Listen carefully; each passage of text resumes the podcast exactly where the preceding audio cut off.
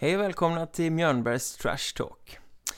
Om man har fina SHL och allsvenska meriter, om man har varit kvalseriekung och verkligen satt sig på kartan, hur eh, kommer det sig då egentligen att man mitt i karriären tar klivet ner i Hockeyettan?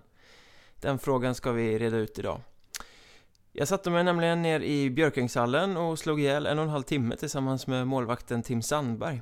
Eh, det blev ett initierat samtal om kvaliteten på Hockeyettan, om Södertäljes sanslösa fiasko i fjol, om ålderdomlig uppfostringskultur i Djurgården och om att som pojkspoling konkurrera ut en ålderman som senare skulle visa sig gå och bli VD.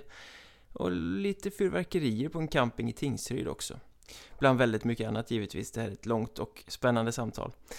Men innan jag ger er det så, ja, precis som jag brukar säga så kan ni mejla mig, mikael.mjornberg.se Ni kan söka upp mig på Twitter, det heter attmjornberg eller så hittar ni Facebook-sidan Mjörnbergs Trash Talk. Ni är många som gör det och jag uppskattar det väldigt mycket faktiskt. Men nu går vi direkt på det roliga. Knappt en och en halv timme med skicklig målvakten Tim Sandberg. Trevlig lyssning.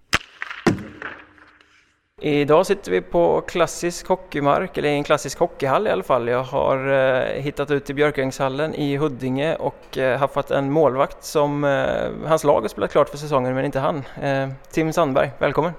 Tack så mycket!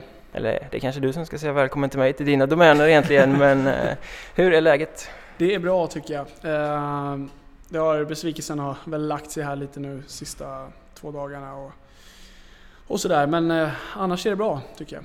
Ni rök mot eh, Kristianstad i playoff 1 redan. Ehm, kan du beskriva den känslan, hur det är när säsongen bara sådär abrupt tar slut? Man har gnuggat försäsong tillsammans en hel säsong och sen bara hopp, inget mer? Ja, nej det är väl det är klart att det, det, det blir tomt. Det är väl egentligen den, den första känslan som infinner sig. Och, och eh, som du säger, man, man, har, man har kämpat, nu kom jag in rätt sent i laget i år men, men eh, grabbarna har krigat hela sommaren och jag har även tränat hela sommaren själv. Så att, och sen kommer man in i säsongen och, och höstserien som är kanske inte jätterolig i, i division östra men i år så, vi hade ett väldigt skönt lag tycker jag och, och har haft en väldigt bra grupp som har eh, jobbat på väldigt bra och, och, det är klart att det blir tomt när det tar slut så abrupt och det var väl kanske inte det vi hade hoppats på och inte det vi eh, hade, i alla fall inte vad jag hade räknat med. Men nu är det som det är. Och, ja, tomt är väl egentligen den första känslan som infinner sig. Liksom. Ni såg det inte komma liksom? Nej, alltså såg det komma men, men det är klart att vi visste väl att Kristianstad skulle bli väldigt tufft. Eh, på, inför säsongen hade vi kanske inte många alls tippat att vi skulle ha en sportsmössa mot Kristianstad. Och, och sådär. Så att det är klart att vi visste att det skulle bli väldigt tufft när det visade sig att det skulle bli dem. Men eh, tanken var väl inte att, eh, att ryka i ett playoff 1, det ska man ju vara helt ärlig och säga. Men om man tittar på det från utsidan så, här så känns det ju nästan som att eh, ni förlorade den här matchserien i första perioden i första matchen. Ja, fast det, ja, förlora och förlora matchserien, det, det är ändå en matchserie av tre och, och eh, Huddinge har ju, vad jag har förstått det som, har man, har man ofta förlorat den första matchen i playoffet och sen, sen varit väldigt starka här hemma i vackra Tigerkulan som det så fint kallas eh, av grabbarna och fans och alla ideella här omkring. Så att, eh, det var nog inga, det är självklart den perioden sätter ju såklart sina spår eh, och eh, samtidigt så så tror jag att vi, eh, vi vann de resterande perioderna där nere och eh, den matchen var ju körd såklart. Eh, sen gäller det ju att ha två matcher hemma där vi hade chansen fortfarande att kunna lösa det. Nu, sen gör vi en väldigt, väldigt bra match på lördagen och, och lyckas vinna där i sadden. Väldigt tight match och Kristianstad kom upp hit och, och spelade väldigt inspirerat som de gjorde där nere också. Så, men vi krigar oss till det och kommer upp på en helt annan nivå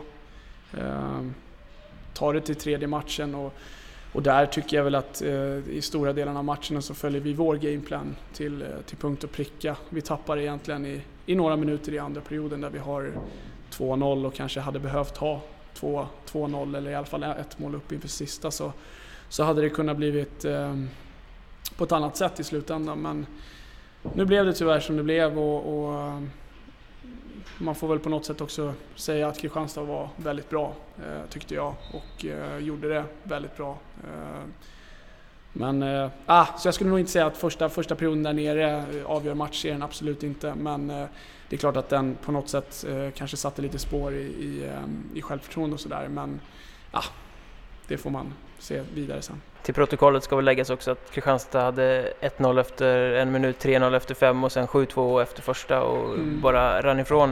Eh, det kanske är att överdriva och säga att det avgjordes, men om man är spekulativ så på någonstans så får ju de väldigt mycket luft av eh, det där. Det är ändå ni som är sidade och kommer dit och har rykte om er och har spelat tätt och tajt och har en eh, före detta SHL-målvakt i kassen och så gör de eh, sju mål i, i första perioden. Så att där någonstans så får ju de väldigt gott självförtroende inför resten. Absolut, självklart är, självklart är det så. Och, och eh, jag tycker att vi, vi kommer ner dit med en bra känsla. Jag hade en väldigt bra känsla själv och, och jag tyckte att laget var väldigt eh, fokuserat på ett bra sätt. Och, och vi, eh, vi åkte buss ner där samma dag men det ska inte spela någon roll utan när pucken väl släpps så gäller det att vara redo och som du säger så, så var vi inte det. Vi eh, kom inte alls upp i någon nivå egentligen i, i den första perioden och, och eh, jag har nog faktiskt aldrig varit med om någon sjukare period än den. Eh, utan det kändes som att de var överallt och vi var ingenstans. Har du släppt in sju mål i en period någon gång på seniornivå tidigare? Nej, jag, jag vet inte ens om jag har släppt in sju mål eh, på junior eller pojknivå på en period. Det skulle väl vara när man mötte Hammarby med Hanviken när man var 13 bast eller något sånt där. Så att, uh, nej, det, jag kommer nog, det är nog svårt att komma ihåg när jag släppte in sju mål på en match egentligen innan dess. Och, så det var, det, var, det var en chock, chockstart kan man ju lugnt säga. Det är inte så kul att sitta på bänken de två resterande perioderna sen för du klev av där. Ja, nej, det, det är klart att eh, tankarna går ju liksom lite sådär direkt att man är väldigt förbannad och, och självklart väldigt besviken på, på sin egen insats. Och, på hur vi agerar liksom i första perioden där. Och det är klart du har lite tid att tänka kan man ju lugnt säga där i 40 minuter och sen har du sju timmar buss hem också. Så att, eh, men eh, på något sätt så gäller det ju matchserier i matchserier och en match oavsett om det blir 10-1 eller om det blir 1-0 så är det bara en match som är vunnen. Och då gäller det att kunna vara så pass eh, stark själv och i laget att man, att man laddar om och kommer igen helt enkelt. För det här är ju ganska udda eller ganska annorlunda för att vara dig och din målvaktskarriär. Sju kassar i en period. Om man vänder på det kontrasten så höll du nollan de två första gångerna du fick chansen i SHL som liten eh, junior till exempel. Ja, ja jo det, det, det är klart att eh, de inhoppen var väl eh, ja, i de lägena där där grabbarna visste att nu gäller det att försvara med näbbar och klor annars kommer det bli sex mål i baken till. Men eh, nej, så ska man kanske inte riktigt säga men eh, nej, det är klart att det inte hör till vanligheterna att släppa in sju mål i en period. Och det har nog faktiskt aldrig aldrig skett i alla fall i, så länge jag kan minnas. Men 2009 var det som du SHL-debuterade. Du var ganska ung då. Mm. Eh, vilka var det ni mötte? Du fick en tredje period eller något sånt där? Ja, stämmer. Vi, vi mötte HV71 där hemma på Järnkaminernas dag var det. Ja, stor match också. Eh, ja, exakt. Det var, det var väldigt häftigt. Det var min första, jag tror till och med att det var min första match som jag satt på bänken eh, med eh, A-laget. Och väldigt häftig inramning där på Järnkaminernas dag som alltid och, och Djurgårdsslacken eh, var ju helt enorm, vilket den oftast i och för sig brukar vara. Men, um, så Stefan eh, skadade sig där i, en bit in i, i tredje. Riddevall? Ja, Stefan Riddevall, okay, precis, ja. exakt. Och um, fick hoppa in där mot, uh, mot HV. Det stod 2-1 tror jag då i matchen, om jag inte minns helt fel. Och fick väl kanske ett par, fem, sex skott på mig och, och sådär. Så att, uh, det var, det var riktigt, uh, riktigt spännande. Jag kommer ihåg det att precis när jag ska hoppa in på isen så har jag för mig att det var Marcus Ragnarsson som stod, tog tag i mig och ryckte mig åt och sa liksom att se bara möjligheterna grabben och in och kör. Så att, eh, ja, sådana där små grejer kommer man ihåg och det kommer jag aldrig glömma. Den första, första stegen på den isen inför fullsatt Hovet. Och, ja, det var riktigt häftigt. Hur gammal var du? Jag skulle fylla 19 tror jag där på våren så jag måste vara 18 år. Och eh, du kände redan där den perioden att det är här jag ska vara? Ja, absolut. Det, det, det, det, är ju det man har liksom strävat efter och, och, och drömt om att få, att få spela SHL-hockey framförallt, eller elitseriehockey som det var då. Djurgården har väl alltid varit det laget man har liksom följt med, just för att de har haft väldigt bra målvakter alltid med Tommy Söderström och Mikael Tellqvist och, och, och så vidare. Så att, eh, det har alltid varit det laget man har varit med pappa till exempel när man var liten och åkte in och kollade på och sådär. Så det var riktigt häftigt och man hade ju, då hade jag ju varit ett par år där i, i Djurgården och sådär och, och tagit stegen i juniorlaget. Och, um, och ändå få chansen att lira lite och, och känna på det gav ju såklart mer smak. Ja, sen dröjde det typ en och en halv säsong eller något sånt där innan du fick chansen igen och då höll du nollan en gång till. Ja, det gjorde jag. Det var, vi mötte Brynäs hemma, eh, kommer jag ihåg. Och då vet jag att de gjorde tre mål där i första perioden. Eh, stod 3-0 efter första perioden. Och, eh, jag hade, tror jag, varit nere i Växjö dagen innan till och med och brutit fingret på en match med Sundsvall Hockey där. Så att det var, jag fick spruta fingret i, i halvtid och, och eh, hoppa in och så lyckades vi, lyckades vi vända matchen och vinna med 4-3. Vilket såklart också var, var väldigt häftigt. Eh, det som jag kommer ihåg mest var väl att fingret var tre gånger så stort dagen efter. Kanske var därför du kunde mota puckarna Det var mer, mer att ställa i vägen. ja men exakt. Nej men så att... Alltså det var Brynäs-matchen där hemma och det, det var ju också en väldigt häftig upplevelse i sig. Sen kan man fortsätta titta om man tar upp Elite Prospect-sidan så du har ganska många prominenta uppdrag för sen blev du kvalserie-kung två gånger om med Örebro. Du var både med och spelade upp dem i, eh, i eh, SHL och eh, höll dem kvar i SHL säsongen därpå. Så att du har ju blivit lite av en vad ska man säga, kvalmålvakt också. Det är fantastiska siffror om man tittar på i första kvalserien. Där höll du ju nollan i 200 minuter i sträck, eller 196 mm. var det väl, något sånt där. Liksom. Ja, Ni förlorade inte en match på ordinarie tid i den kvalserien. Nej, det stämmer. Vi, vi hade en väldigt bumpig säsong det året med, med Örebro och jag kom väl dit där Eh, efter, efter Djurgårdsåret där när vi åkte ur och jag hade suttit på bänken i princip ett helt år bakom Gustav Vessla. Och, eh, kom in i ett bra stim där efter jul och fick ordning på grejerna och, och hade såklart kvalserien gick väldigt bra och ända egentligen från jul så kände jag väl att eh, det spelet som jag hade banat in med Micke Andreasson och, och, eh, som vi hade jobbat på under hela hösten gav utdelning och sen Självklart, laget spelade fantastiskt bra eh, och eh, det gör ju att en målvakt kan spela med mer pondus och mer självförtroende och, och växa i det också. Så att, eh, men visst, kval, kvalserierna, jag tycker om det. Jag tycker att det är kul. Jag tycker att de matcherna när det bränner till och, och man verkligen måste vara på tå och verkligen allt står lite på sin spets är ju de matcherna man spelar för egentligen.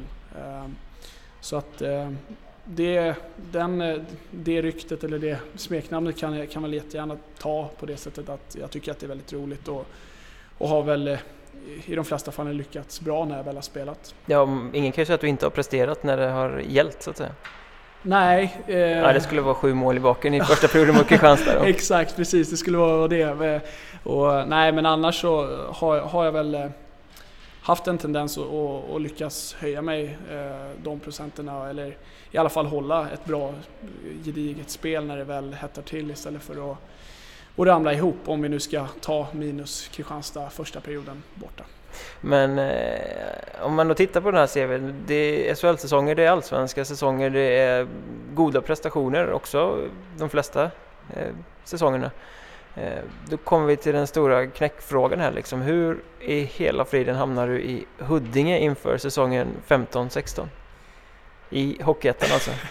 ja, eh, det är väl en, egentligen en ganska lång historia men det var väl egentligen så här att eh, när vi åkte ut där med, med Södertälje och eh, den säsongen så Tanken var egentligen när jag lämnade Örebro att, vi, att jag skulle få en uppstudssäsong med, med Södertälje och ville inte åka utomlands det året. Eh, och eh, valde Södertälje.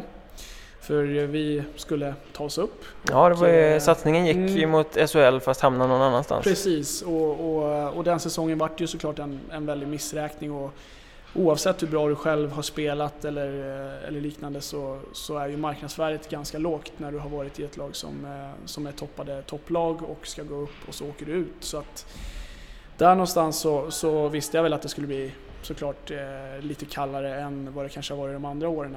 Eh, samtidigt så hade jag väl kanske inte riktigt förväntat mig att det skulle vara på det sättet som det var. Var det iskallt? Det var inte iskallt, eh, det var väl lite så här att allsvenskan var full väldigt fort. Eh, SHL blev fullt väldigt fort vilket jag inte ens eh, egentligen räknade med att få något slags intresse från överhuvudtaget efter den säsongen som var. Och, ehm, då återstod jag utomlands igen. Och då kände jag väl att jag har pluggat till mäklare, lite kurser vid sidan om och, och försökt eh, och på något sätt ändå planera och utnyttja de betygen som jag hade i gymnasiet och se till att man ändå håller koll på livet efter hockeyn. Det finns en, en framtid liksom också? Ja, men exakt och, och, då kände jag väl att jag skulle jättegärna vilja ta upp det och så fick jag, fick jag ett bra erbjudande från, från Skandiamäklarna här i, eh, i Tyresö som jag har haft en bra dialog med och att eh, hjälpa till med utbildningen så att jag får göra den klar eh, och eh, sådär. Och då kändes helt plötsligt steget att åka till eh, de här lite sämre ligorna utomlands, Danmark, Norge, Slovakien, ja, men där fanns det konkret intresse? Ja, absolut. Det var Kazakstan och det var allt möjligt. De här som du kan säkert åka dit och Du kunde åka dit och tjäna lite pengar i åtta månader och sen komma tillbaka och sen stå på noll igen lite. Så kände väl jag och, och kände att ah, ska det vara någonting ska det vara något riktigt bra annars så, så eh, kommer jag nog dra igång plugget liksom och, eh, och se och vänta här i Sverige och se om det dyker upp någonting i Allsvenskan eller SHL.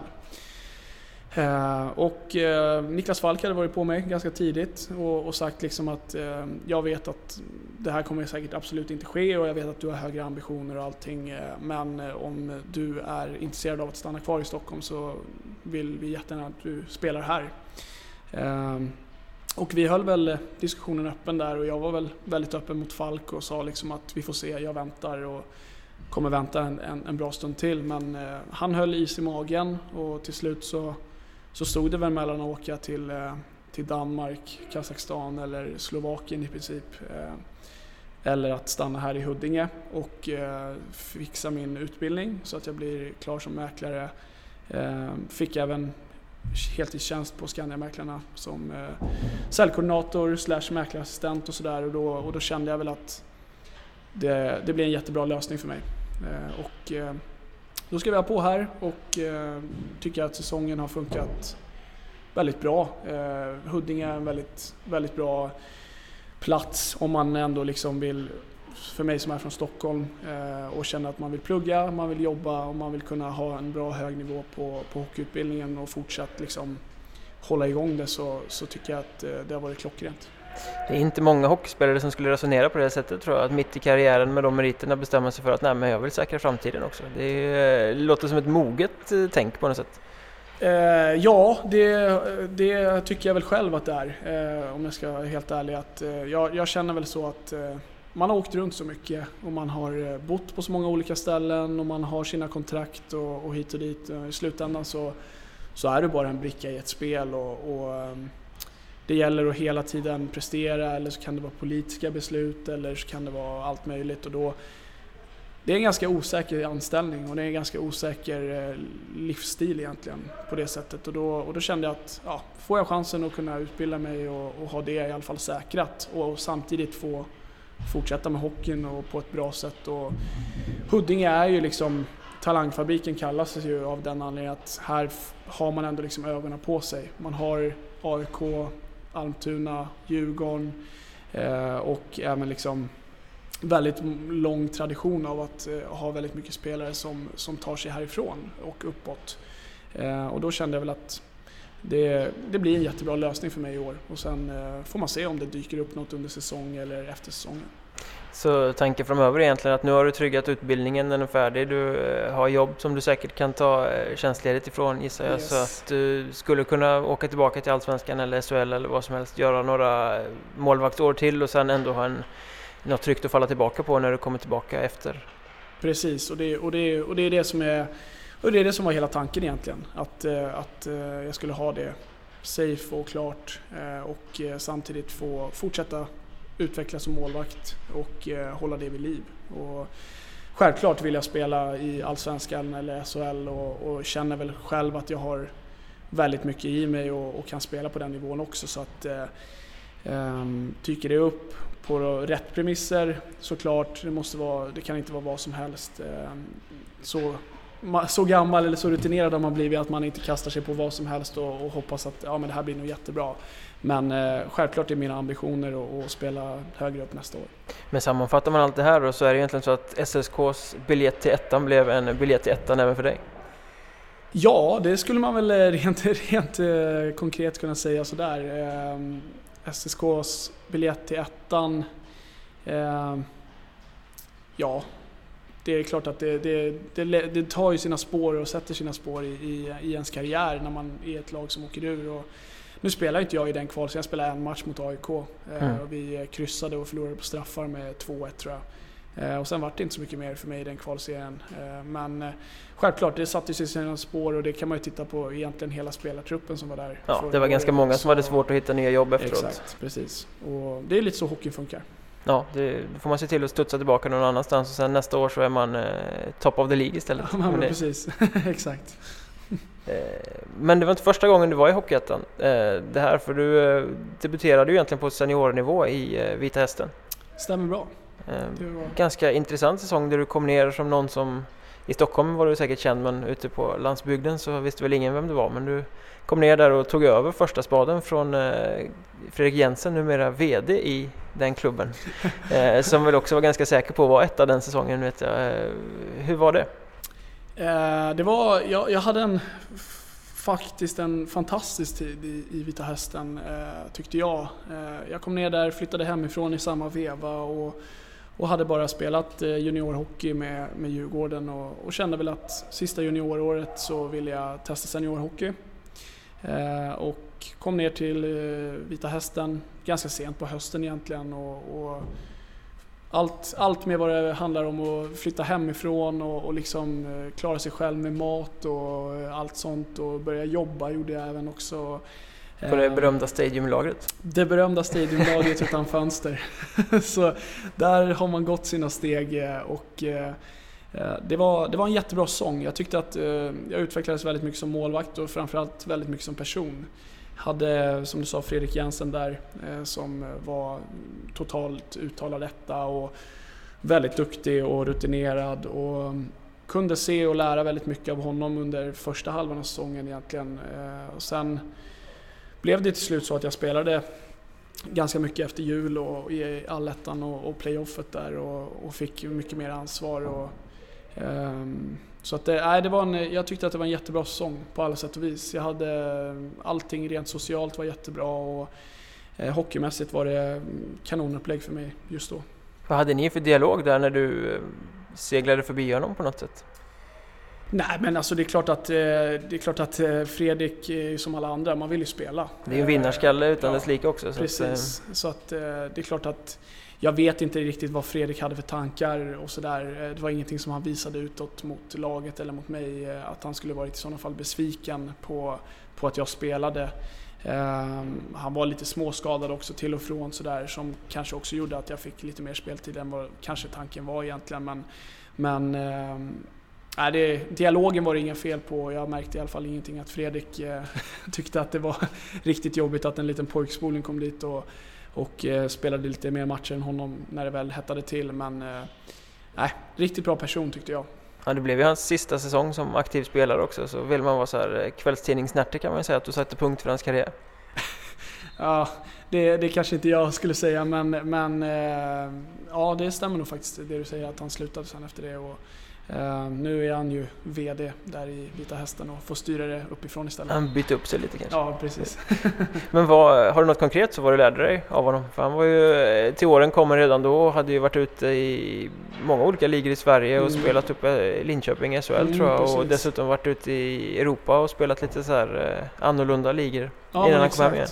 Alltså det, det som jag kommer ihåg av, av Jensen sådär som jag verkligen tog åt mig mycket var liksom just det här att kunna koppla på. Eh, att kunna, även fast du kanske är lite trött, du har jobbat eller du har, eh, känner att ah, det är inte så roligt idag, så, så tyckte jag att han var en, när det väl kom till match och till träning så, så var det alltid, precis som du säger, en riktig vinnarskalle. Eh, och hade, tycker jag, en väldigt bra egenskap i det att han gav, visade alltid det till laget liksom att eh, här gör vi på det här sättet och hade en väldigt rak eh, och eh, stark position i det laget. Vilket han såklart, det är inte så konstigt att han hade det. Och, ehm, men just framförallt det att kunna koppla på och verkligen vara där när det är matcher och träningar och, och, och sen såklart lite spel, spelmoment, eh, grejer också sådär. Men, men just eh, framförallt det här lite att växa upp och förstå vad seniorhockey var. Han hade lite de här egenskaperna som förmodligen är rätt viktiga i en VD-roll också nu redan då i sitt liksom vad i laget, eh, mm. i sin vad i laget person. Man säger så. Absolut. Han, han, han var en väldigt stark, eh, eller är en väldigt stark, nu har inte jag känt Fredrik sen, sen de åren där i Vita Hästen. Och han, har inte, han har inte försökt värva dig till? vi, vi hade faktiskt en liten diskussion här eh, efter Örebro-året. Då var det, då var det ju inte så, men Eh, något mer har vi faktiskt inte pratat på det sättet men eh, nej, han är bra, stark individ i, i ett lag att ha och eh, såklart, han skulle ju ta den stora rollen då som eh, första målvakt och precis som du säger väldigt rutinerad och eh, ändå eh, bra ålder också liksom så att nej, jag tyckte att han var en bra förebild i året. Hur mycket styrde du själv över eh, var du hamnade då? För du var ju ändå bara 19, ganska ung, skulle ut någonstans och få senior. Eh, är det så att eh, agent eller klubb sätter dig någonstans eller hade du själv någon synpunkt? Liksom? Ja, alltså jag kommer ihåg, för det var, det, jag tror att det var så att vi mötte Vita Hästen på, i en träningsmatch där precis innan eh, juniorserierna och det skulle börja och eh, spelade den matchen och det gick väl rätt så bra. Och, vi hade väl försökt att lösa någon slags utlåning. Det var lite snack om Nacka vet jag och lite så här men, men jag var nog lite mer, lite mer sugen på att komma till någon av de här södra serierna där, eh, där det är lite mer drag runt hockeyn och, och sen framförallt kanske att liksom få flytta hemifrån också och, och, och starta det livet och växa upp lite på det också. Så att, eh, vi hade nog en bra dialog med Djurgården, det kommer jag faktiskt inte riktigt ihåg men jag har väldigt svårt att tro att eh, jag skulle bara nickat och sagt att ja men då åker jag dit. Du hade stark vilja redan då? Absolut, det har jag alltid haft. Kanske behövs om man ska vara målvakt? Ja, absolut. Och sen, sen, men sen stark vilja och att vara ung och dum som junior är lite två olika saker. Eh, Viljan ja, omsätts på fel sätt kanske? Absolut, och, så, och så, det har man också fått lära sig med åren. När jag kom upp som eh, junior i, i Djurgården och sådär så man förstod inte vad det handlade om. Eh, man trodde att man var ibland man tyck, tyckte att man var kung för att man kom och var duktig junior och hade gjort det bra där. Men, eh, och, det, och det har man ju lärt sig nu eh, med de sista åren själv och liksom eh, att vad det är det handlar om. Att det, man måste bevisa någonting först och, och eh, verkligen visa att man vill jobba 100% varje dag. Och det, det eh, kan jag väl liksom säga att det, det var inte kanske min starka sida eh, när jag kom upp i Djurgården som, som junior utan eh, jag hade en, en eh, attityd, eh, inte attityd på det fel sätt men jag, mitt försvar blev väl egentligen att, eh, att man kanske var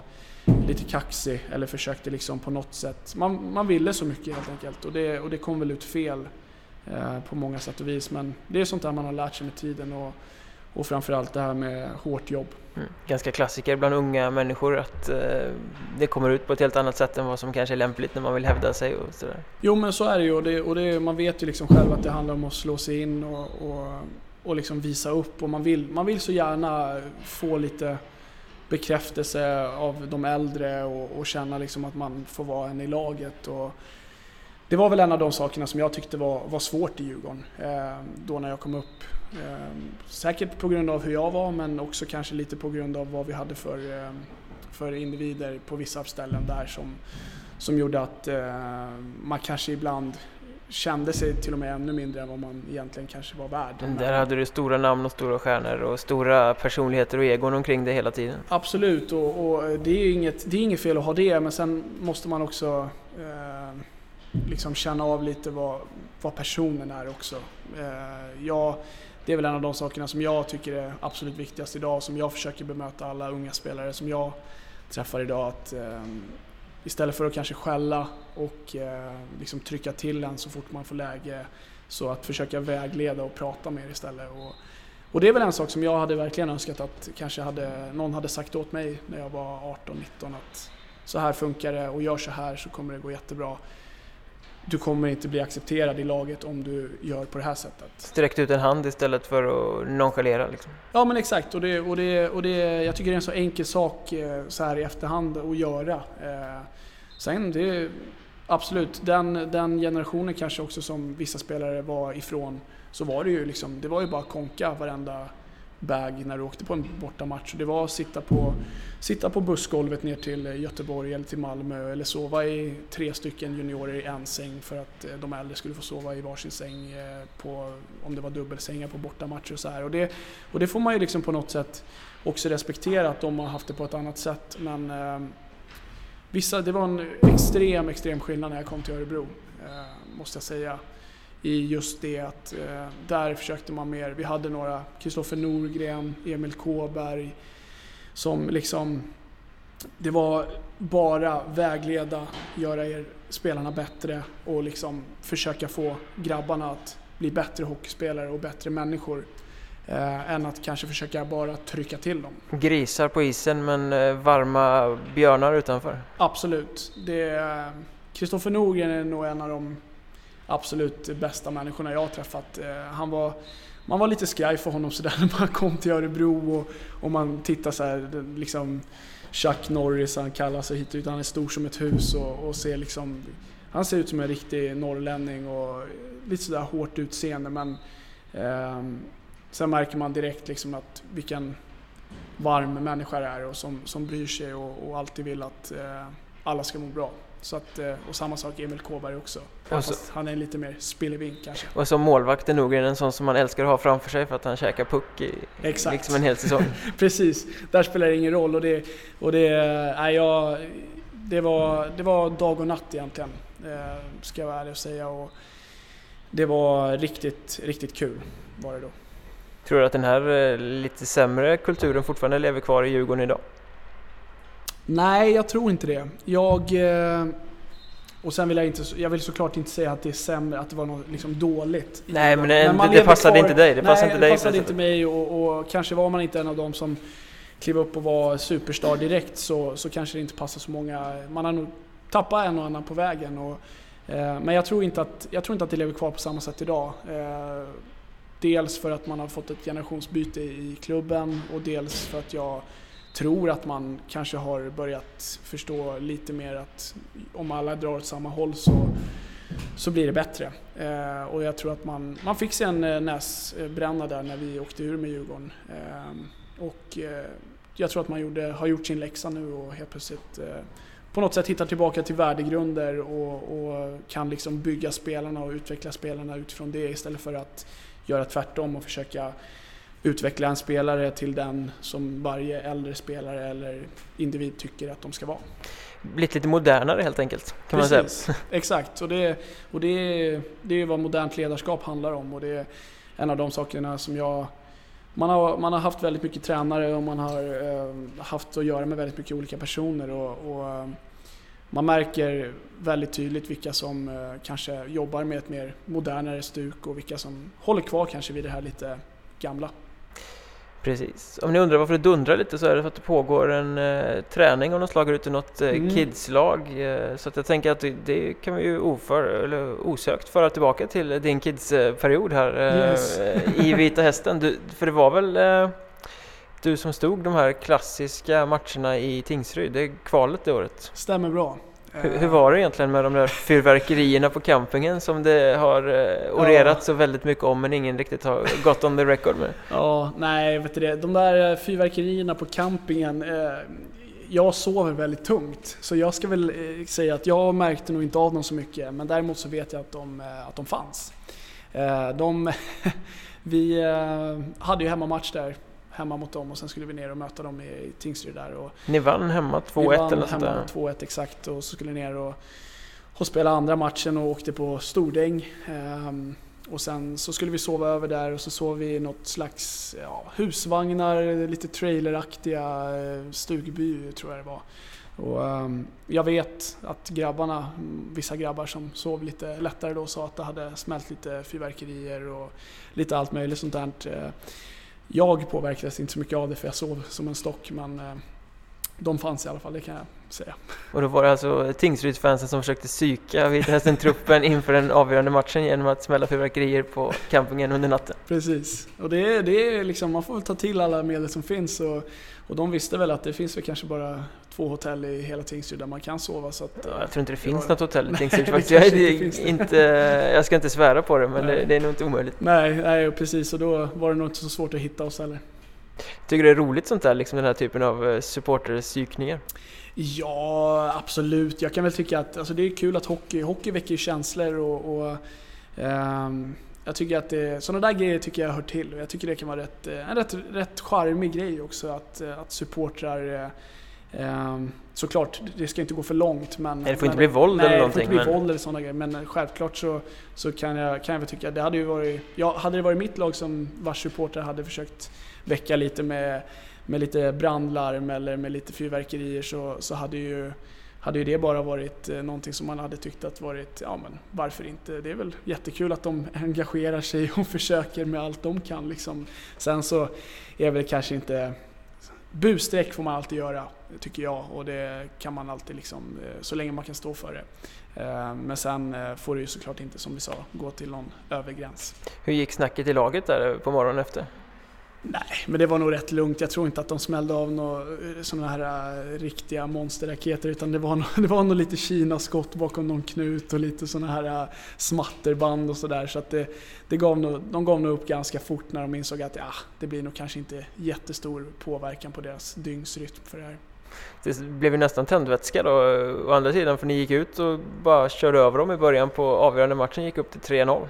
Ja. Och då var ju de, det här ska ju sägas att det var ju innan Vita Hästen började sin riktigt stora satsning mot mm. Allsvenskan så Tingsryd var ju det storsatsande laget som var tokfavorit i den här matchen. Ja men precis. Eh, vi, eh, vi ledde med 3-0 där inför sista perioden. Jag tror att vi, jag tror att vi låg under skotten med 34-16 och så här. Och, um, hade väl gjort det riktigt bra i, i två perioder. Och, och sådär. Och Tingsryd var väldigt duktiga eh, och vi eh, körde på. Vi hade, vi hade ett spel som byggde egentligen på att gå ut och köra och så hoppas vi att det, att det håller. Eh, sen eh, så gick det som det gick där i tredje perioden och Tingsryd kom ut och ja, manglade oss i första sex minuterna och gick upp till 3-3. Och, ja, sen åkte vi dit i förlängningen sen till slut. Ja, vände de inte 0-3 till 4-3 och, och, och allting exakt. såg helt liksom, eh, nu kommer de ta det fast så fick Natt. ni in en jäkla puck ja, i slutet och så blev det sadden i alla fall. Exakt, Basse Ellerstad där klev in och jag tror han gjorde hattrick den matchen. Eh,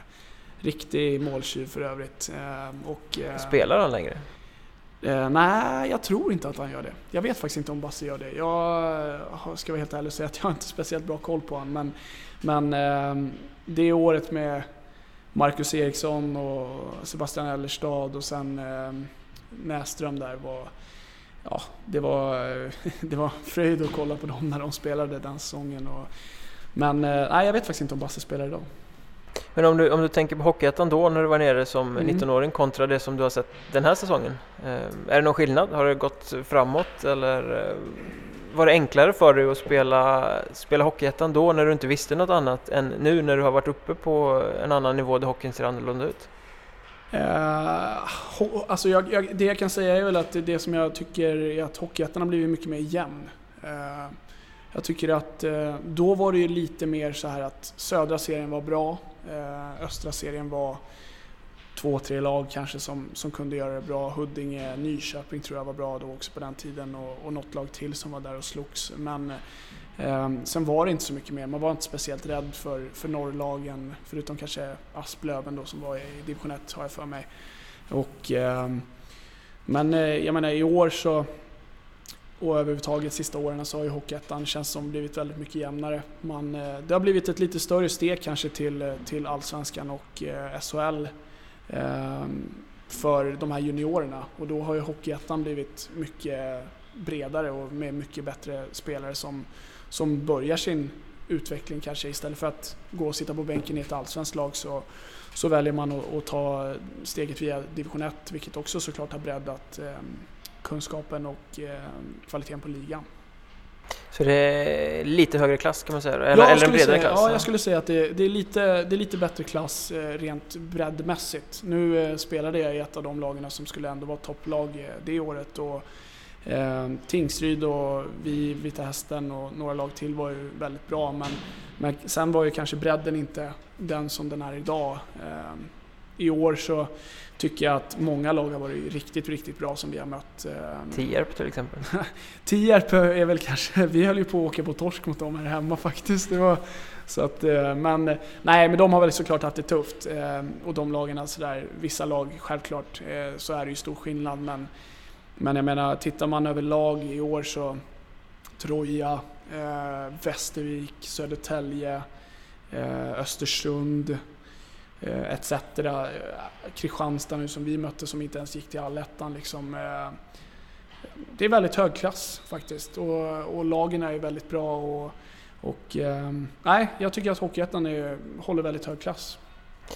Så om du sammanfattar din egen säsong här, hur, hur tycker du för egen del att den har att den har varit? Har den utvecklat dig någonting eller har du fått någonting med dig som du inte hade innan eller är det bara ett sånt här år som skulle göras innan du kan gå vidare till nästa uppgift? Nej, absolut inte utan jag tycker att det, det har varit en väldigt, väldigt, eh, väldigt nyttig säsong. Ehm, återigen att få lite det här, eh, vad ska man säga, perspektivet på det också. Ehm, jag tror att eh, det var en sak som jag hade väldigt stor nytta av att jag tog ett år i division 1 när innan jag kom upp i Allsvenskan. Och, och SHL om man på något sätt hade någonting att jämföra med eh, och liksom känna att ja, nu får jag spela hockey på heltid och kunna försörja mig på det. Eh, här i Hockeyettan så är det, det är hockeykrigare alltså. Eh, SHL och Allsvenskan är ju en piece of cake egentligen rent, eh, så, alltså att leva och spela hockey och, och jobba och, och, allt vad det innebär och hålla igång det sociala livet. Så att, ehm, för att komma tillbaka till frågan, ja det har utvecklat, jag tycker att absolut att det har utvecklat mig. Eh, dels har man fått tillbaka perspektivet och glädjen eh, och känner liksom att man spelar hockey för att det fortfarande är så jäkla kul liksom.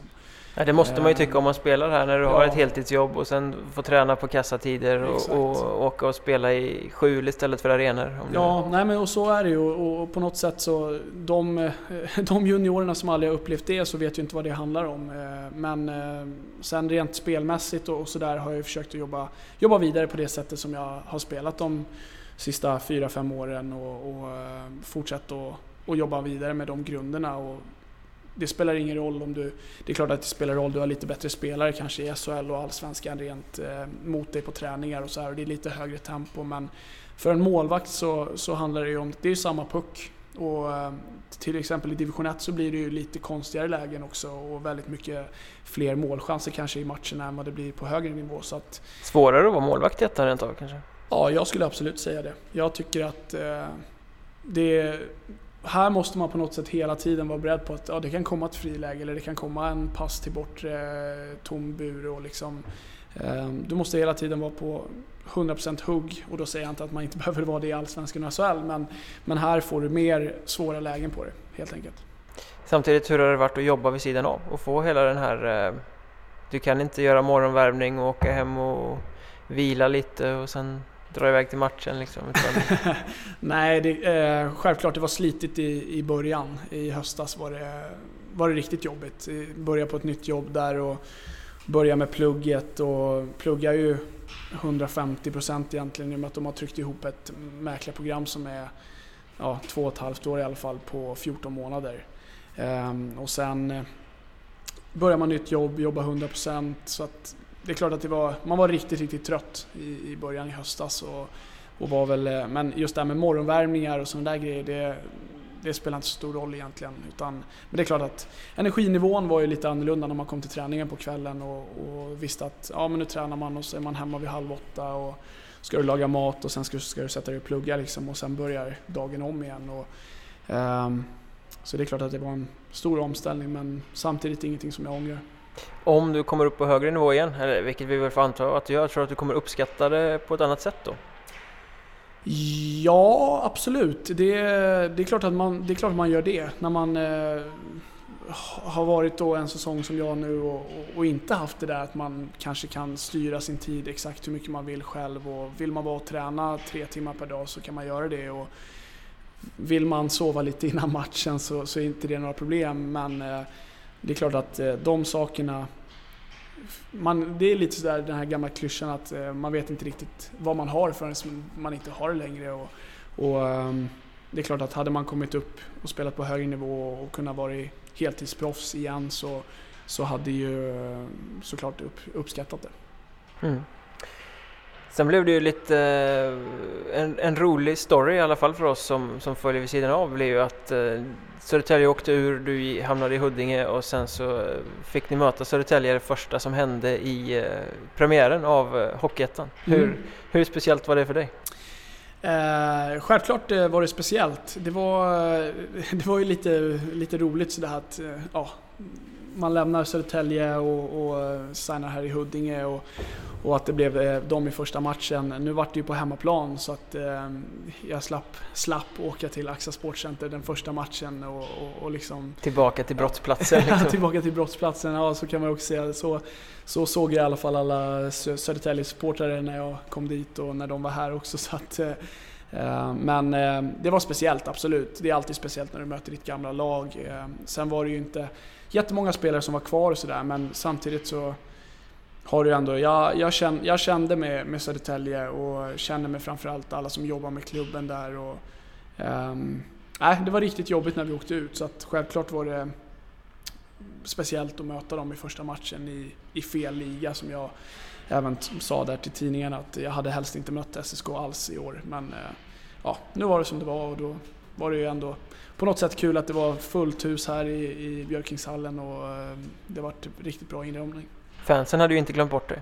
Det hade de inte gjort och det märkte jag ganska fort. Ja, det var rätt mycket hån som, eh, som regnade. Det var du är sämre än Idoff och ja, det var, var allt möjligt. Idoff och det var en gravsten i Tälje och det var allt möjligt. Så att, eh, eh, men det, det, är sånt man vet att det kommer och eh, man vet, det hör ju till. Även fast eh, jag hade spelat hur bra som helst i Södertälje förra året, eller året innan då, så, och de hade kommit hit och jag hade haft en annan tröja på mig så hade de ju ändå försökt att håna mig så mycket som möjligt. Så att, eh, ehm, det hör till och det, så ska det vara också. Det kändes ju ändå som att det var lite hjärtliga hån, det var inte det här råa liksom? Nej, nej det, var, det var väl egentligen, eh, det var ju ändå liksom de här klassiska. Du sämre än Idoff och Sollet och och lite sådär. Sen eh, fick jag väl höra någonstans ifrån att det hade sjungits eh, att jag hade en gravsten eh, i Tälje och det, det kan väl vara lite kanske halvhårt sådär men, men äh, det är ingenting som man lägger någon vikt vid. Kan det vara lite roligt till och med? Absolut, det tänder ju en. Självklart inramning på matcherna och, jag är av den sorten att om någon, om någon tycker att jag är dålig och känner att och försöker håna mig på, på matcher eller liknande. Blir jag lite förbannad så spelar jag bara bättre. Eh, så att eh, jag brukar säga till dem som har försökt i år och säga allt möjligt och hit och dit. Och Hellgren i Hudiksvall och några grabbar till som har tyckt att det ska ja, det var, han, var, hård, var han hård på det? Nej men så här klassiska små grejer liksom försök, försöka. Eh, och det tycker jag, det gör de ju helt rätt i. Det är väl inget konstigt att man försöker få målvakten i andra laget lite ur balans och sådär men det har varit rätt. Det har aldrig slutat med att de har lyckats utan då har det istället blivit så att det har knappt blivit något mål bakåt de matcherna. Så att, eh, Men det är mycket eh, tjuvnyp och snack på målvakterna? Absolut, och det, och det tycker jag det ska vara också. Och det, det är ju det som är lite tjusningen, att man, man står ju där nere själv. Och vi hade någon match här, Visby borta, som, som jag hade en kille som körde lite kycklingdans framför mig när han tyckte att eh, deras... Ja, han tyckte du filmade? Ja, han tyckte jag filmade eller någonting. Det var, hans, det var en och samma kille där som åkte in i mig tre gånger på en och samma match. Och då, tyckte han att han skulle köra lite kycklingdans. Det var Tim Etley tror jag. Ja, det kanske det var. Jag har för mig att jag såg den matchen på, ja, på okay. webbsändning. Nej, jag, har, jag har ingen aning om vad han heter eller vilket nummer han har, har överhuvudtaget. Men, eh, men äh, lite kycklingdans och sådär och det får man ju ta. Det är inga problem liksom. Det är bara kul. Hugger du tillbaka? Snackar du själv liksom? Ja, det är klart att man på något sätt hugger tillbaka. Jag, eh, just den här Visby-spelaren där som, eh, som stod i bås och skulle vara lite häftig också sen, så då, då blir det liksom, ja men stå i bås och prata hur mycket du vill och, och säg vad du vill för att det spelar ingen roll. Jag vet vem jag är och jag vet eh, eh att sånt där eh, snack påverkar inte hur jag spelar på matchen, i alla fall inte negativt. Fick du höra mycket sånt här, eh, att du skulle vara värdelös för att du har hamnat i Hockeyettan och du har varit i Allsvenskan och SHL? Jag kan tänka mig att det är den första eh, trashtalkare du skulle tänka på liksom. Det är ja, den enkla, billiga poängen. Ja men exakt, det, det, är precis, och det är precis som du säger, det, är alltid, det kommer ju alltid de där enkla, eh, klassiska, tråkiga sakerna. Jaha. Det är lite, hade man, hade man kommit på, någon kommit på kanske något, något lite roligt att säga, då hade man kanske tyckt att det, ja men det där var liksom fiffigt. Kreativt. Det var bra, ja. kreativt, bra sagt liksom att ja, men det var ändå ett bra försök. Men, men de här klassiska, ja du är sömn, du platsar inte ens i Södertälje eller ja du kan inte spela i eh, DVA. Kul att se dig här liksom och hit och dit. De här klassiska, det, det biter ju inte. Det, eller biter det så då har man ju problem med huvudet. Då kanske man inte ska spela på högre nivå Nej, i Hockeyettan heller om det liksom. Men Hellgren var en av de värre alltså? Nej men Hellgren är en av de jag minns för att Hellgren är en av de som man har snackat lite med när man har mött honom i Asplöven och sådär. Och, och, ehm, jag kommer inte ihåg vad det var, riktigt vad han tryckte på där uppe men jag kommer ihåg det var en match i Hudiksvall och jag tror att vi vann med 7-1, eh, 6-1 6-1 eh, eller någonting och han skulle försöka trashtalka lite och var på med ett par gånger under första perioden. Och man, jag skakar väl bara på huvudet och liksom att helt ärligt Hellgren, du spelar också i division 1 just nu så att eh, men eh, ja, sådana där små saker. Men Södertäljehånen, hängde de med hela säsongen eller var det just intensivt här i början när de liksom fortfarande blödde för att de var i ettan? Ja, det var nog säkert, det var nog säkert där första matchen såklart. Eh, Och sen eh, var det väl lite på bortaplan. Nu spelade jag väl väldigt bra mot Södertälje de andra matcherna och, och sådär. Så att då, då är det väl kanske lite svårare att och, och liksom trycka på en. Hade man släppt in en 6-7 mål i någon match då hade det kanske varit lättare att, att hoppa på en lite Sollet. till. ja, med sållet exakt och, och allt sånt där. Men ehm, det lugnar väl ner sig lite också. Det, det är klart att som du säger, det hänger väl kvar lite från att man var med där när, när de åkte ur och, och då vill man väl markera att de inte tyckte att det var okej. Det här var inte vad de hade väntat sig Nej, riktigt. självklart inte. Eh, annan eh, omtalad situation, Huddinge-Södertälje, Tim Sandberg från säsongen som gick. Sista matchen ni, som ni spelade mot varandra i Allettan tror jag. Eh, ni fick straff emot er. Mm. Kastade du klubban med flit? Eh, så, så här var det faktiskt och jag, och jag eh, sa faktiskt till och med det till domaren att jag var ju när, eh, jag vet inte, var det Anton Holm tror jag som, som la straffen? Nej, jag vet inte jag vet riktigt. inte riktigt vem det var men i alla fall och så, så märker jag väl ganska direkt att jag köper hans skottfint eh, ganska hårt och han går vidare och då är min tanke egentligen att jag, jag ska släppa klubban och försöka slänga upp stöthandsken i, i, eh, i nätet så mycket jag kan liksom för att försöka täcka isen eller ja, egentligen kasta mig lite som en fotbollsmålvakt. Liksom. Ehm, och då släppte han pucken på min klubba precis i samma ögonblick som jag egentligen släpper klubban mot, eh, ja, från handsken helt enkelt. Och jag, jag var ju i 110% procent säker på att det skulle bli en omstraff eller att, eh, eller att det kanske till och med skulle bli mål. Jag tror regeln säger att man ska döma mål. Ja, det, jag Eller läste- jag är inte helt säker men eh, det... Nej, jag fick höra det efter också. Jag, var väl, jag, jag ställde mig upp direkt och kände att ja, men det där blir i alla fall minst omstraff. Eh, Men eh, domaren sa att det var lugnt så att eh, ja, jag slapp den. Det måste vara rätt skönt. Ja, självklart. Det är klart att du inte tackar, du tackar inte nej om domaren säger att det var en helt fullt godkänd räddad straff. Nu var det ju inte det. Alltså det, det kan, måste man ju säga liksom att i, I det här fallet, jag kastade inte klubban gjorde jag inte i den meningen att jag skulle försöka träffa pucken för jag tänkte nog att han skulle skjuta den högt och då tänkte jag då släpper jag klubban och kastar mig eh, för att komma runt snabbare. Men ja, nej, han eh, ville lägga den lågt och då gick den på klubban och. Det är bara för dig att tacka och ta emot dig i Precis, det läget.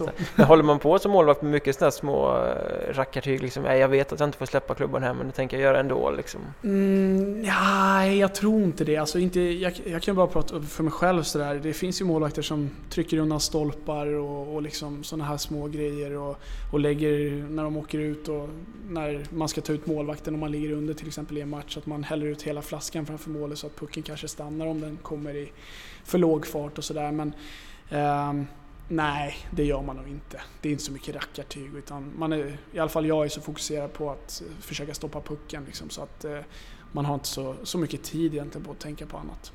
Förutom när man möter riktigt sämre lag och får stå ensam där nere i... Då, då, 50 minuter. Ja, då, då har man ju tid att komma på både det ena och det andra kanske ibland. Men, men, eh, men jag har faktiskt inte, inte behövt använda mig av så mycket rackartyg på det sättet. Det är väl... ehm, nej, jag är nog ingen ful fisk som Jocke Englund försöker få mig till att vara. Just det, det läste jag. Vad gick det ut på?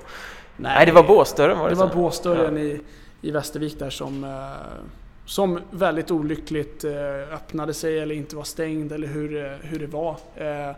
Jag, kan inte svara egentligen på, på vad, varför den inte höll sig fast när, vår, när de två spelarna kom och möttes i den tacklingen. Utan, eh, det jag märkte på blåsdörren var liksom att man var tvungen att haspa på den och lägga ner. Om du slog emot den så åkte inte haspen ner utan man var tvungen att liksom haspa på lite sådär och under matchens gång så går det ganska fort.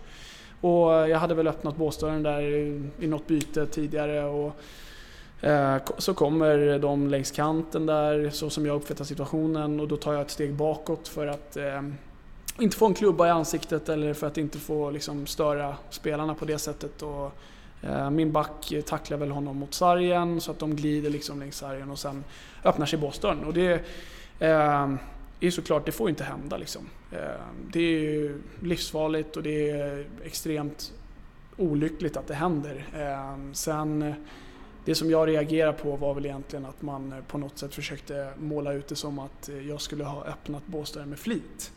Eh, Absolut, det är klart att det är mitt ansvar när jag står där att båsdörren är stängd. Nu är, enligt mig, det är klart den är inte haspad och den är inte stängd eftersom att den åker upp. Men det är inte så att jag öppnar båsdörren eller att båsdörren står, står liksom på glänt. Nej, du står inte med ett djävulskt flin så här och Nej, hello, nej men exakt. Och, och, och, det var väl det som jag blev förbannad på. Jag eh, kan ta att man kan säga vad man vill om mig. Det brukar inte röra mig i ryggen vad som skrivs på bloggar och hobbybloggar och allt möjligt och Twitter och hit och dit. Eh. Eh, men det, jag ändå spelat med Jocke Englund och satt bredvid honom i omklädningsrummet en hel säsong och tyckte väl att på något sätt att skriva det som han gjorde, att hans tanke och åsikt och mitt uppsåt var att jag skulle försöka få stopp på deras spelare, vilket i det här fallet betyder utsätta honom för livsfara. Ehm, då vart jag väldigt upprörd och tycker att, eh, att man ens kan påstå en sån sak eh, är helt befängt när man är lagkapten i ett eh, lag som är kanske bäst i Hockeyettan och driver en blogg som i det här fallet är en tidning. Men han backar lite om det sen Ja, han, eh, jag vet inte om han backade om han, eh, Jag har faktiskt inte valt att läsa vidare om det. Jag var väldigt klar med min eh, diskussion när jag hade tagit det med Joakim vad jag tyckte. Ja, ni har pratat om det fall? Jag skrev, jag skrev till honom och tyckte att, liksom att hur, hur, jag såg det och att man ens... Jag var, jag var irriterad på att man ens kan skriva att, att en spelare skulle försöka öppna en båsdörr med flit. Och framförallt att stå liksom och säga när, direkt när situationen har hänt och, och, i det här fallet Englund kommer fram till mig och säger att jag gör det med flit och jag står i båset och jag bara, men skojar du, liksom, skojar du med mig? Att, skulle jag, är du, tror jag att jag är så dum i huvudet att jag skulle öppna båsdörren med flit? Och då när man väljer att stå som han då i det fallet står och säger ja det tror jag att du gör. Han gjorde det på isen också? Ja, exakt. Och sen så går man ut och tar sig själv i försvar och säger nej, ja, men i stridens hetta kan man ju säga vad som helst och hit och dit. Men eh, jag har varit väldigt irriterad på att man på eh, det här sättet liksom anklagade mig för att försöka skada, i det här fallet Thelin då, genom att eh, öppna båsdörren, vilket eh, aldrig skulle ske. Nej, då har vi rätt ut det ganska bra tycker mm. jag. Ja, jag, jag tycker att Sen vad fans och vad alla andra får tycka. Det hör ju till lite. Hör ju till, Folk kommer ju alltid de, tycka att man är... Absolut, det är klart att de, de, tycker att man är en idiot och att domaren borde ha plockat ut mig på ett matchstraff och hit och dit. Jag har sett allt möjligt och hört talas om att eh, man skulle ha den ena käftsmällen och den andra av eh, både föräldrar till spelaren i det här fallet och sådär. Men med sånt eh, bry, kunde jag faktiskt inte bry mig mindre om. Men just eh, när en person som jag känner eh, och som jag spelat med uttalar sig om att jag skulle vara en så pass ful människa. Eh, nu valde man att skriva fisk, men att man var en ful fisk som försöker skada en spelare medvetet i en match i division 1 allettan. Det, eh, nej, det rimmar liksom inte. Nej. För att prata på, fortsätta på det negativa spåret då. Mm. Eh, så har vi varit inne och tafsat på det ganska många gånger eh, så här långt. Men Södertäljes eh, fjolårssäsong och mm. kaoset som, som hela den säsongen var för alla som var där egentligen. Hur, hur upplevde du hela den här säsongen? Det, det totalt episka kaoskrasch-kollapsen eller vad man ska kalla det. Ja, oj, den är, den, är, den är så svår att liksom sätta fingret på. Eh, var det så illa var... innanför de där omklädningsrumsväggarna ja, som man utifrån föreställer sig att det var? Liksom? Alltså, det man kan säga så här var att gruppen i sig och, eh, och grabbarna och spelarna, vi hade väldigt, väldigt bra Go, väldigt bra liksom, grupp och lag och väldigt många duktiga hockeyspelare och väldigt många bra personer i ett omklädningsrum. En ganska bra mix tyckte jag också att vi hade mellan eh, lite äldre spelare och lite yngre. Ehm, men, eh, men, men och sen det vart liksom som att vi gick in i säsongen, vi eh, skulle försöka, alla förväntade sig liksom att vi sätter något slags grundspel. Eh, som hur vi vill spela. Man hade väl plockat i, dit väldigt mycket spelare som kanske hade haft framträdande roller, an, roller antingen i Allsvenskan, eh, utomlands i Norge hit och dit och sen hade man plockat lite spelare som, som kanske inte hade lyckats jätte, jättebra i SHL men man hoppades att de skulle få ett lyft. Liksom i, um, och då måste man ju på något sätt sätta en, en klar grund. En ram? En ram det här ska vi hålla oss inom? Det här ska vi göra. Uh, och uh, det skedde liksom riktigt aldrig. Uh, vi hade väl, det var egentligen, jag tyckte att det blev en enda stor ökenvandring av att leta vad det var som vi ville göra. Vad vi försökte hitta på liksom rent speltekniskt för att kunna vända på det också. Och, um, hela säsongen var egentligen, vi försökte få till en förändring, man fick kanske inget gensvar eller så tyckte man att uh, det blev uh, för jobbigt att lösa det eller man gnällde på spelare, man skickade spelare, man skickade upp dem på läktaren. Man, ena dagen var de kungar och så andra dagen så var de inte ens vattenvärda. Och, det fanns ingen stabilitet nej, i det? Liksom. exakt. Och det var väl liksom någonstans där redan i, jag kommer ihåg det, vi, jag satt och pratade med några i laget efter omgång 10, omgång 15 när vi hade vunnit lite matcher på straffar och förlängningar och kanske ändå aldrig riktigt spelat bra så sa vi liksom det att ehm, ja, får, vi inte, får vi inte ordning på det här och, och hittar en, en trygghet i, i, hur vi vill spela liksom, i de matcherna när alla matcher går ju liksom i perioder och, och, och, du måste ju ha ett grundspel att kunna falla tillbaka på när, eh, när matcherna inte går som du vill eller när du kanske vill kunna ändra matchbild så, så måste du fortfarande ha någonting som du vet att ja, nu kanske vi har varit nedpressade i 20 minuter men vi håller oss till våra grejer för vi vet att det kommer ge utdelning i slutändan. Ehm, och det fick vi riktigt all, jag tyckte aldrig att vi riktigt fick till det. Ehm, sen, eh, jag tycker liksom ändå att spelarna eh, försökte ehm, i stor mån liksom och, och få till en förändring och jag var absolut en av de som förde ganska mycket talan i och med att jag hade varit i ett Örebro som ett harmoniskt lag som ja, fungerar ett liksom. harmoniskt lag som ändå eh, gick upp eh, till SHL. Det den resan som vi skulle göra. Eh, jag visste vad vi ändrade på. Det var lite, jag fick lite den, samma vibbar från det året i Örebro att vi tragglade lite på hösten där och sen hittade vi helt plötsligt ett, ett spel som alla köpte och som funkade väldigt bra. Och, um, och det var väl lite den känslan som jag ville försöka liksom förmedla och som även många av spelarna i, i Södertälje höll med om. Um, sen fick vi väl inget jättegehör av det. Nej, vad tycker en tränare? Det var Janne Karlsson som var tränare. Vad tycker han när det kommer en målvakt och går in och påpekar sådana saker?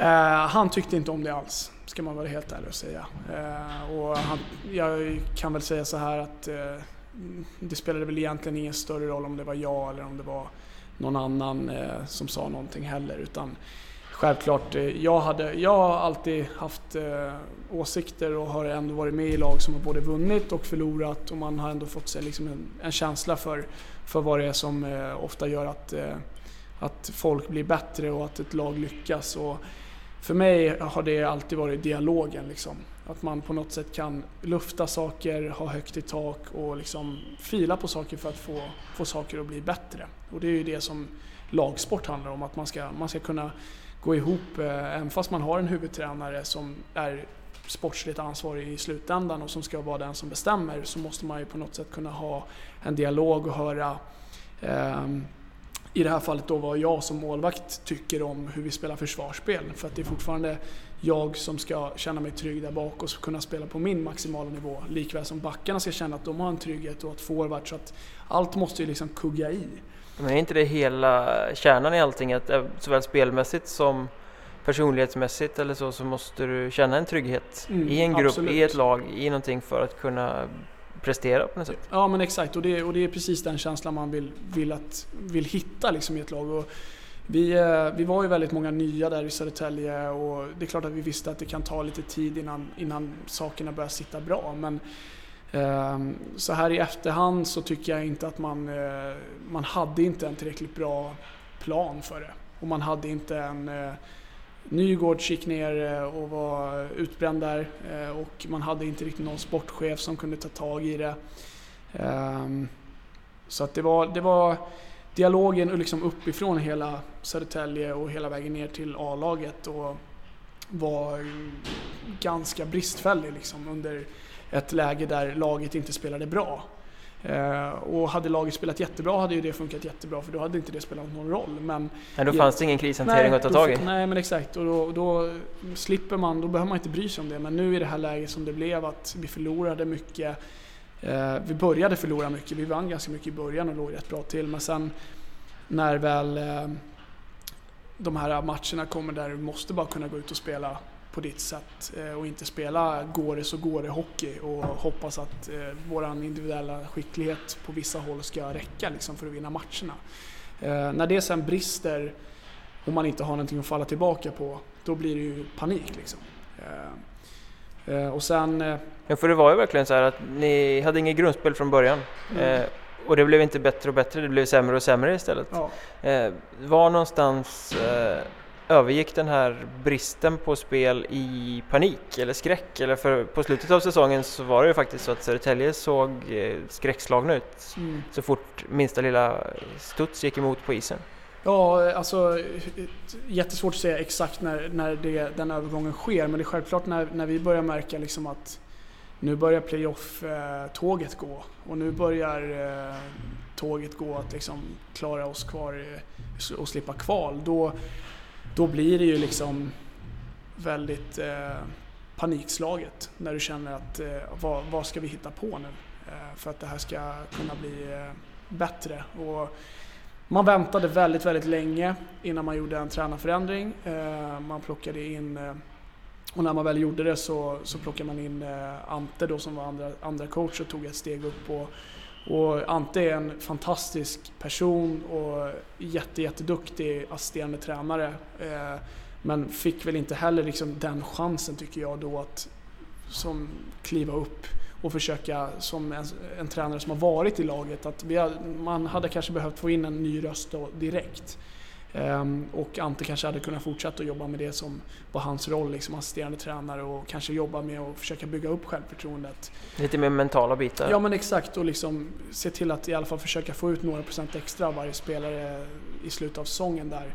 Uh, det blev lite i skymundan och, och sen vart det ju lösningen med Valtin där i mitten av kvalserien och då var det ju redan för sent. Det var ju alldeles för sent, ja. vad var det, tre, fyra matcher kvar? Ja, det, jag tror att det var fyra eller fem matcher kvar. Och, uh, då kom Valtin in, satte väldigt bra ramar tyckte jag eh, och hade väldigt bra tänk. Men som sagt, då var det ju redan skeppet liksom under ytan egentligen. Och vi, vi, så fort vi fick ett, ett mål emot oss eller så fort vi um, fick liksom en motgång i matchen. Jag kommer ihåg kvalserien, vi mötte Tingsryd hemma.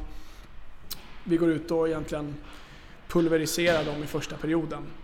Uh, och sen kommer vi ut, jag tror matchen är ganska tät ändå, jag tror inte vi riktigt får den utdelningen som vi vill ha. Och de kommer ut och gör något mål och så gör de något mål i powerplay och sen rasar allting. Och det var lite så som, så skört i ett lag som känner att de inte har någon trygghet, som inte har någon självförtroende. Uh, och um, tyvärr så, så gick det liksom, blödningen inte att stoppa.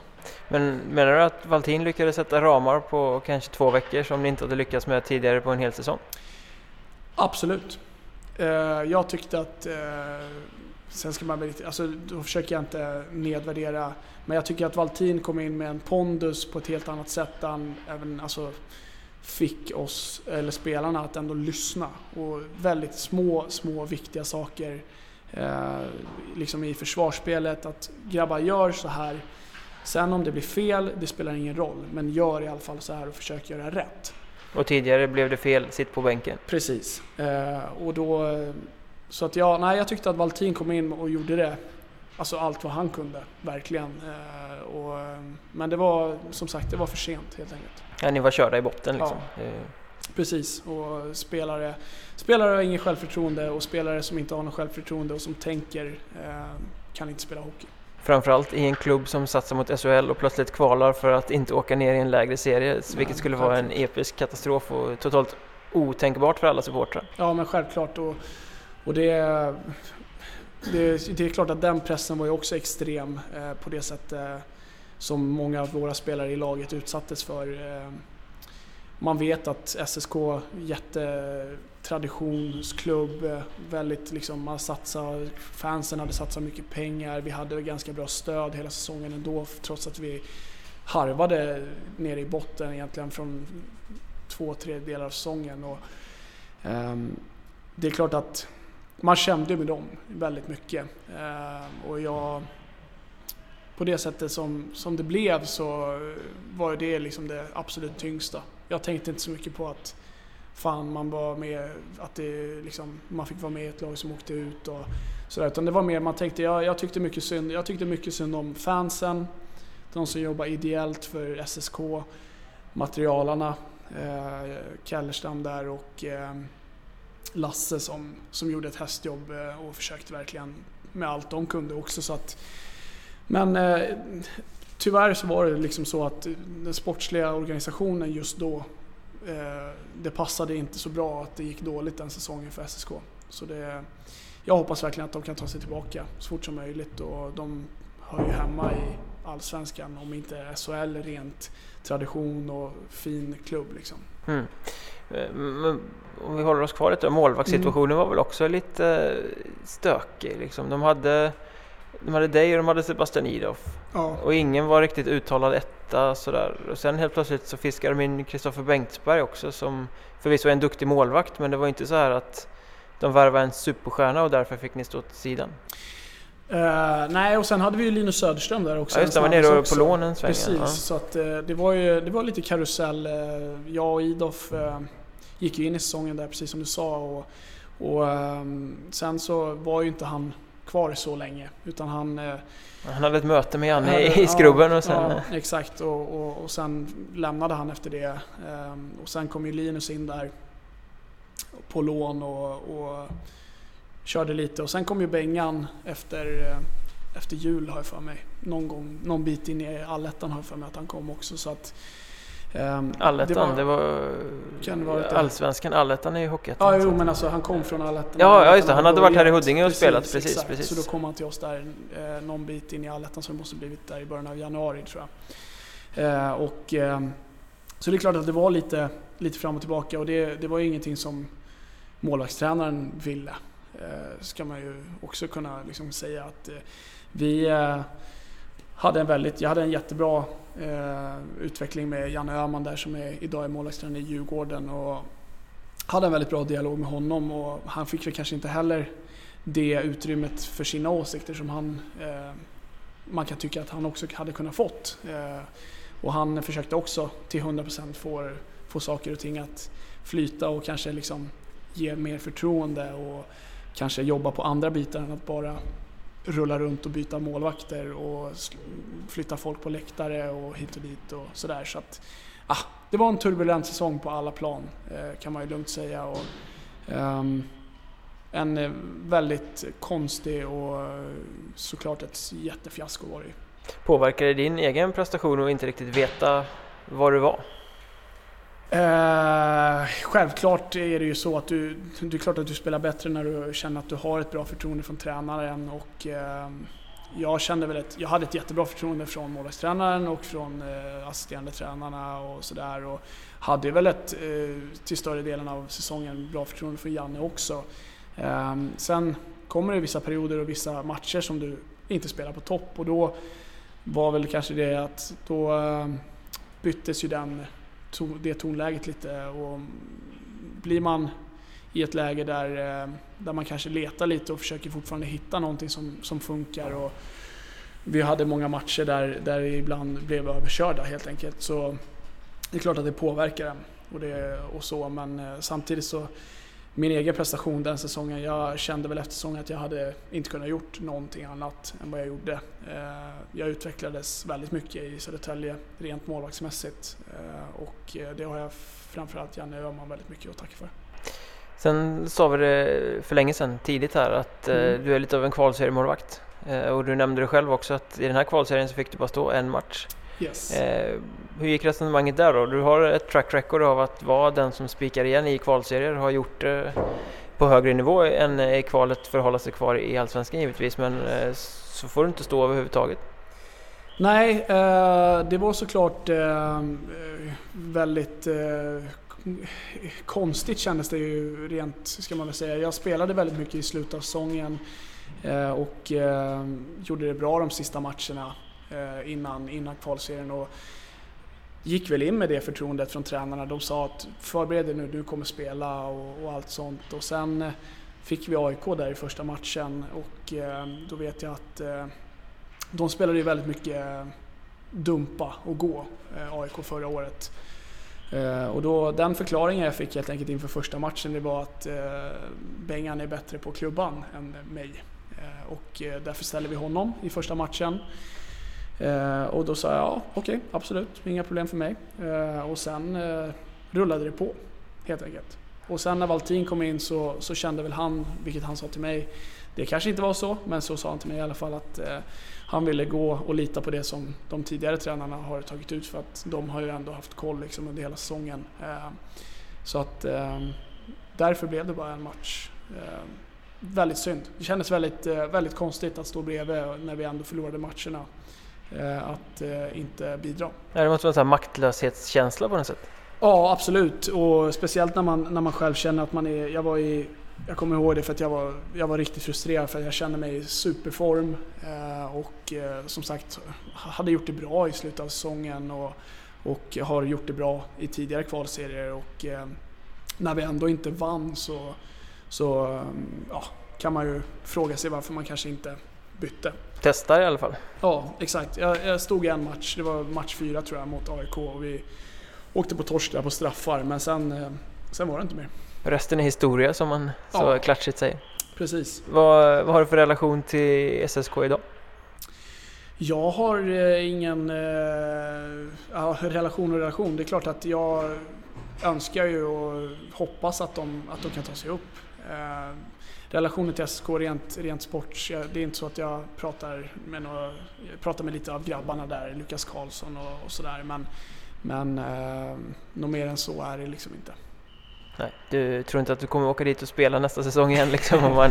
det, det, det, vet man ju aldrig, det, det ska man ju aldrig säga aldrig och det får man ju se ifall de nu ens, eh, om de skulle ta, lyckas ta sig upp eller om, eller om de är kvar i ettan eller hur det ser ut. Och, det där får man ju se i framtiden, ja, vad som sägs. Liksom. Men menar du inte avskräckt från klubben så att säga? Utan Nej, det, var ju, det var just inte. den här upplagan och så som det såg ut just då ja, som var... absolut. Nej, klubben i sig, jag, jag trivdes jättebra i Södertälje och det är en jättebra klubb. De har väldigt bra liksom, möjligheter med träningstider och gym och och allt sånt här. Och, och, du, har bra, du har bra möjligheter att kunna utvecklas som spelare där. Eh, sen att det var en sån säsong där allt blev fel och allt kanske var lite kaosigt på flera håll och kanter så det är ju ingenting som, som rör SSK som klubbmärke och som klubb utan eh, jag, jag trivdes bra i Södertälje som spelare och, och, har väldigt, eh, väldigt bra, mycket bra att säga om klubben rent hur man sköter det materialmässigt och runt omkring eh, med resor och hur du, hur du har det som spelare där har du SHL-mässigt absolut. Sen eh, hoppas ju att de får, lite får koll liksom på, på de här bitarna på, uppifrån. Sportgrupp och sportchef och allt hur man nu vill ha det och bygga värdegrunderna. Men inte avskräckt alls. Känns som att de är på rätt väg nu i alla fall. De har fått en liten mm. omstart i ettan och sådär. Men sen är det väl kanske så, man behöver en liten sån här kriskaos-säsong även som spelare någonstans i karriären för att lära sig något nytt också. Få, få med sig nya lärdomar och vetskaper. Självklart är det så och man lär sig väldigt mycket. Och man lär sig väldigt mycket. Jag lärde mig väldigt mycket det året även när jag satt på bänken där i Djurgården i princip hela säsongen när vi, när vi åkte ut där också.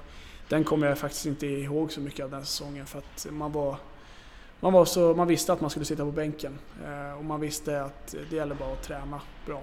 Eh, så att, eh, men man har ju sett, man har ju sett liksom de här tecknen på vad det är som inte funkar och, och det lär man ju sig av.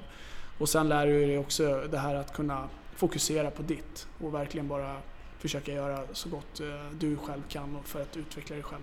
Det är väl rätt viktigt för, för målvakt kan jag tänka mig. Just där, du säger sitta på bänken och att man måste fokusera på sitt. För målvakter får ju ofta, framförallt tidigt i karriären, betydligt fler eh, klubbadresser än vad en utespelare får kanske i och med att du måste ha speltid och Mm. du eh, är ung så kommer du inte få förtroendet i din SHL-klubb eller allsvenska vilket innebär lån. Eh, ena säsongen där, andra säsongen där, vissa säsonger kanske två, tre klubbadresser. Ja, Eh, du har ju också varit i den cirkusen och varit ute, levt lite i en låda kan man säga. Eh, Ja, exakt. Eh, haft väldigt många, du är bara 25 år Mm, något där, 25 år, och, och, och har eh, väldigt många klubbar på, på CVt. Hur är det att ha den livsstilen liksom? Att bli lite runtskeppad från klubb till klubb? Eh, det, är klart att, eh, det är klart att det inte är ultimat. Eh, samtidigt så är det precis som du säger, man måste spela som ung målvakt. Eh, och kan du, det är ett stort steg att ta, som i mitt fall då från eh, juniorhockey i Djurgården till att ta steget upp till SHL eller elitserien som det var. Eh, är ju väldigt stort och då, då blir det ju lätt att, att man hamnar i den här utlåningscirkusen. Eh, vilket kanske många spelare gör som inte är redo för att ta steget direkt. Ehm, och då gäller det ju på något sätt att försöka, vilket man också så här i efterhand kan titta på det, att, att se till att man hamnar på ett ställe där man vet att här får jag vara. Här får jag träna bra. Här får jag eh, spela matcher. Att det, man, jag tycker att många unga spelare idag kanske fokuserar för mycket på att ha ett snyggt märke på, på bröstet. Än att kanske åka till ett ställe där man vet att här kan jag få jättemycket speltid, jag kan utveckla mig själv som spelare, som person. Ehm, och därför tycker jag att det är väldigt positivt idag att många väljer kanske att spela i Hockeyettan eh, något år och liksom utvecklas där och få mycket istid för att sen kunna ta de här stegen som krävs sen. Lite, Ehm, lite som när du hamnade i Sundsvall kan jag tänka Ja. mig, som är så långt ifrån flashigt man kan komma men du fick ändå spela en hel del. Ja men precis. Jag, jag menar, då hade jag gjort en säsong i division 1 och, och kommer upp dit och, och fick spela 40 matcher. Eh, och det var ju hur bra som helst för mig. På det sättet har jag haft ganska tur egentligen. Att jag, jag har lyckats hamna på ställen där jag har fått spela eller så har jag sett till att jag får spela till slut. Men, ehm, men just så, sådana där grejer är ju väldigt viktiga och att det är många som faller bort också i de där utlåningscirkusarna för att du känner att men är det värt det här? Ja, det blir aldrig något liksom. Nej men det blir aldrig någonting. Man, man eh, haussas runt och får åka hit och dit och skaffar sig aldrig riktigt en, en grund. Och I den åldern när du är liksom 18, 19, 20, 21 kanske så, så är det redan ganska mycket som händer i ditt liv. Du ska helt plötsligt, eh, du går ut gymnasiet, du ska bli vuxen, du ska ta hand om dig själv, du kanske ska flytta hemifrån. Eh, och att då ha även den här lite osäkerheten på var är jag någonstans? Vem är jag? Vart passar jag in? Duger jag inte här? Duger jag där? Liksom, eh, det kan bli väldigt tufft. Men, eh, så att därför tycker jag, jag tycker att det är en sak som jag också försöker prata med de unga spelarna som jag stöter på idag. Att se till att du får spela och se till att du kommer till ett ställe där du känner att här kan jag vara i lugn och ro och få lite lugn och ro och verkligen fokusera på att bli en bättre hockeyspelare. Och för din egen del så blir det ytterligare en klubbadress nu för eh, Huddinge är ute borta för den här säsongen men eh, din säsong går vidare. Yes. I eh, SHL, eller kanske inte i SHL men i alla fall kvalet för att klara sig Mm. kvar i SHL. Du ska vidare till Karlskrona inom kort. Hur, eh, hur är känslan inför det då? Eh, otroligt inspirerande, eh, självklart. Eh, nu var ju såklart förhoppningen att, att vi skulle gå så långt som möjligt med Huddinge här och det har varit mitt fokus eh, ända fram tills egentligen igår när jag på något sätt började planera lite för att åka ner dit. Och, Skaka av dig det sista av besvikelsen ja, liksom. Ja, men exakt och, och sådär. Men eh, det ska bli otroligt kul och inspirerande. Eh, och, nej, jag ser väldigt mycket fram emot det, det gör jag absolut. Och det ska bli eh, det ska bli en häftig, häftig månad här nu i slutet av säsongen och förhoppningsvis så kan vi göra det riktigt bra där nere. Du höll eh, dörrarna öppna hela säsongen och sen till slut kom den kan man säga. Ja, så kan man väl säga och sen, och sen ska man ju, där måste jag också ge Huddinge cred liksom att man eh, var väldigt tillmötesgående eh, och gav mig möjligheten att liksom skriva på för Karlskrona och, och, och ändå vara kvar och spela här. Och Huddinge är på det sättet tycker jag, det, det vill jag bara säga för att det tycker jag är bra att veta för många spelare kanske i Hockeyettan och så att Eh, man ger folk chansen här. Man får chansen, man får bra utbildning, eh, man eh, har möjligheterna att liksom ta sig uppåt och man har ögonen på sig. Och, ehm, så det, jag är väldigt tacksam för att Huddinge dels att jag får chansen av Karlskrona såklart, det är jättekul. Eh, men framförallt också att Huddinge låter mig ta den chansen. Hur eh, håller du dig fräsch nu när du, säsongen har tagit slut här och det, jag kan tänka mig att det dröjer ganska länge innan du får stå någonting där liksom. Det är ett glapp som måste överbyggas på något sätt utan att tappa timing och... Ja men precis. Eh, nej men det gäller ju att hålla i, hålla i träningen här helt enkelt och, och vara på is och, och uh, hålla i fysen helt enkelt så man är beredd. Nu åker jag väl ner här i uh, början av nästa vecka, eller slutet av den här veckan, början av nästa vecka. Och, Sen har de väl två matcher kvar där nere i, mot Skellefteå och Örebro borta. Eh, och sen eh, börjar kvalet några veckor, någon, två veckor senare tror jag. Så att, eh, eh, nej, det gäller att hålla tågan uppe och hålla elden uppe men det, det är inga problem. Sen kommer Pelle Holmberg på där nere att fan det här är ju en kvalmålvakt och så väljer han dig över Honken Holmqvist i sju, bästa sju matcher mot eh, SHL. Ja, jag ska ju såklart göra allt jag kan för att, för att visa att jag vill vara en av de som eh, är där med och spelar. Självklart. Eh, några, några andra tankar har inte jag än att åka ner och göra allt jag kan för att eh, visa att jag kan spela på den nivån. Vilket jag har gjort tidigare och vet att jag kan även idag. Så ja, hur långt tror du steget blir nu när du har varit i ettan en hel säsong?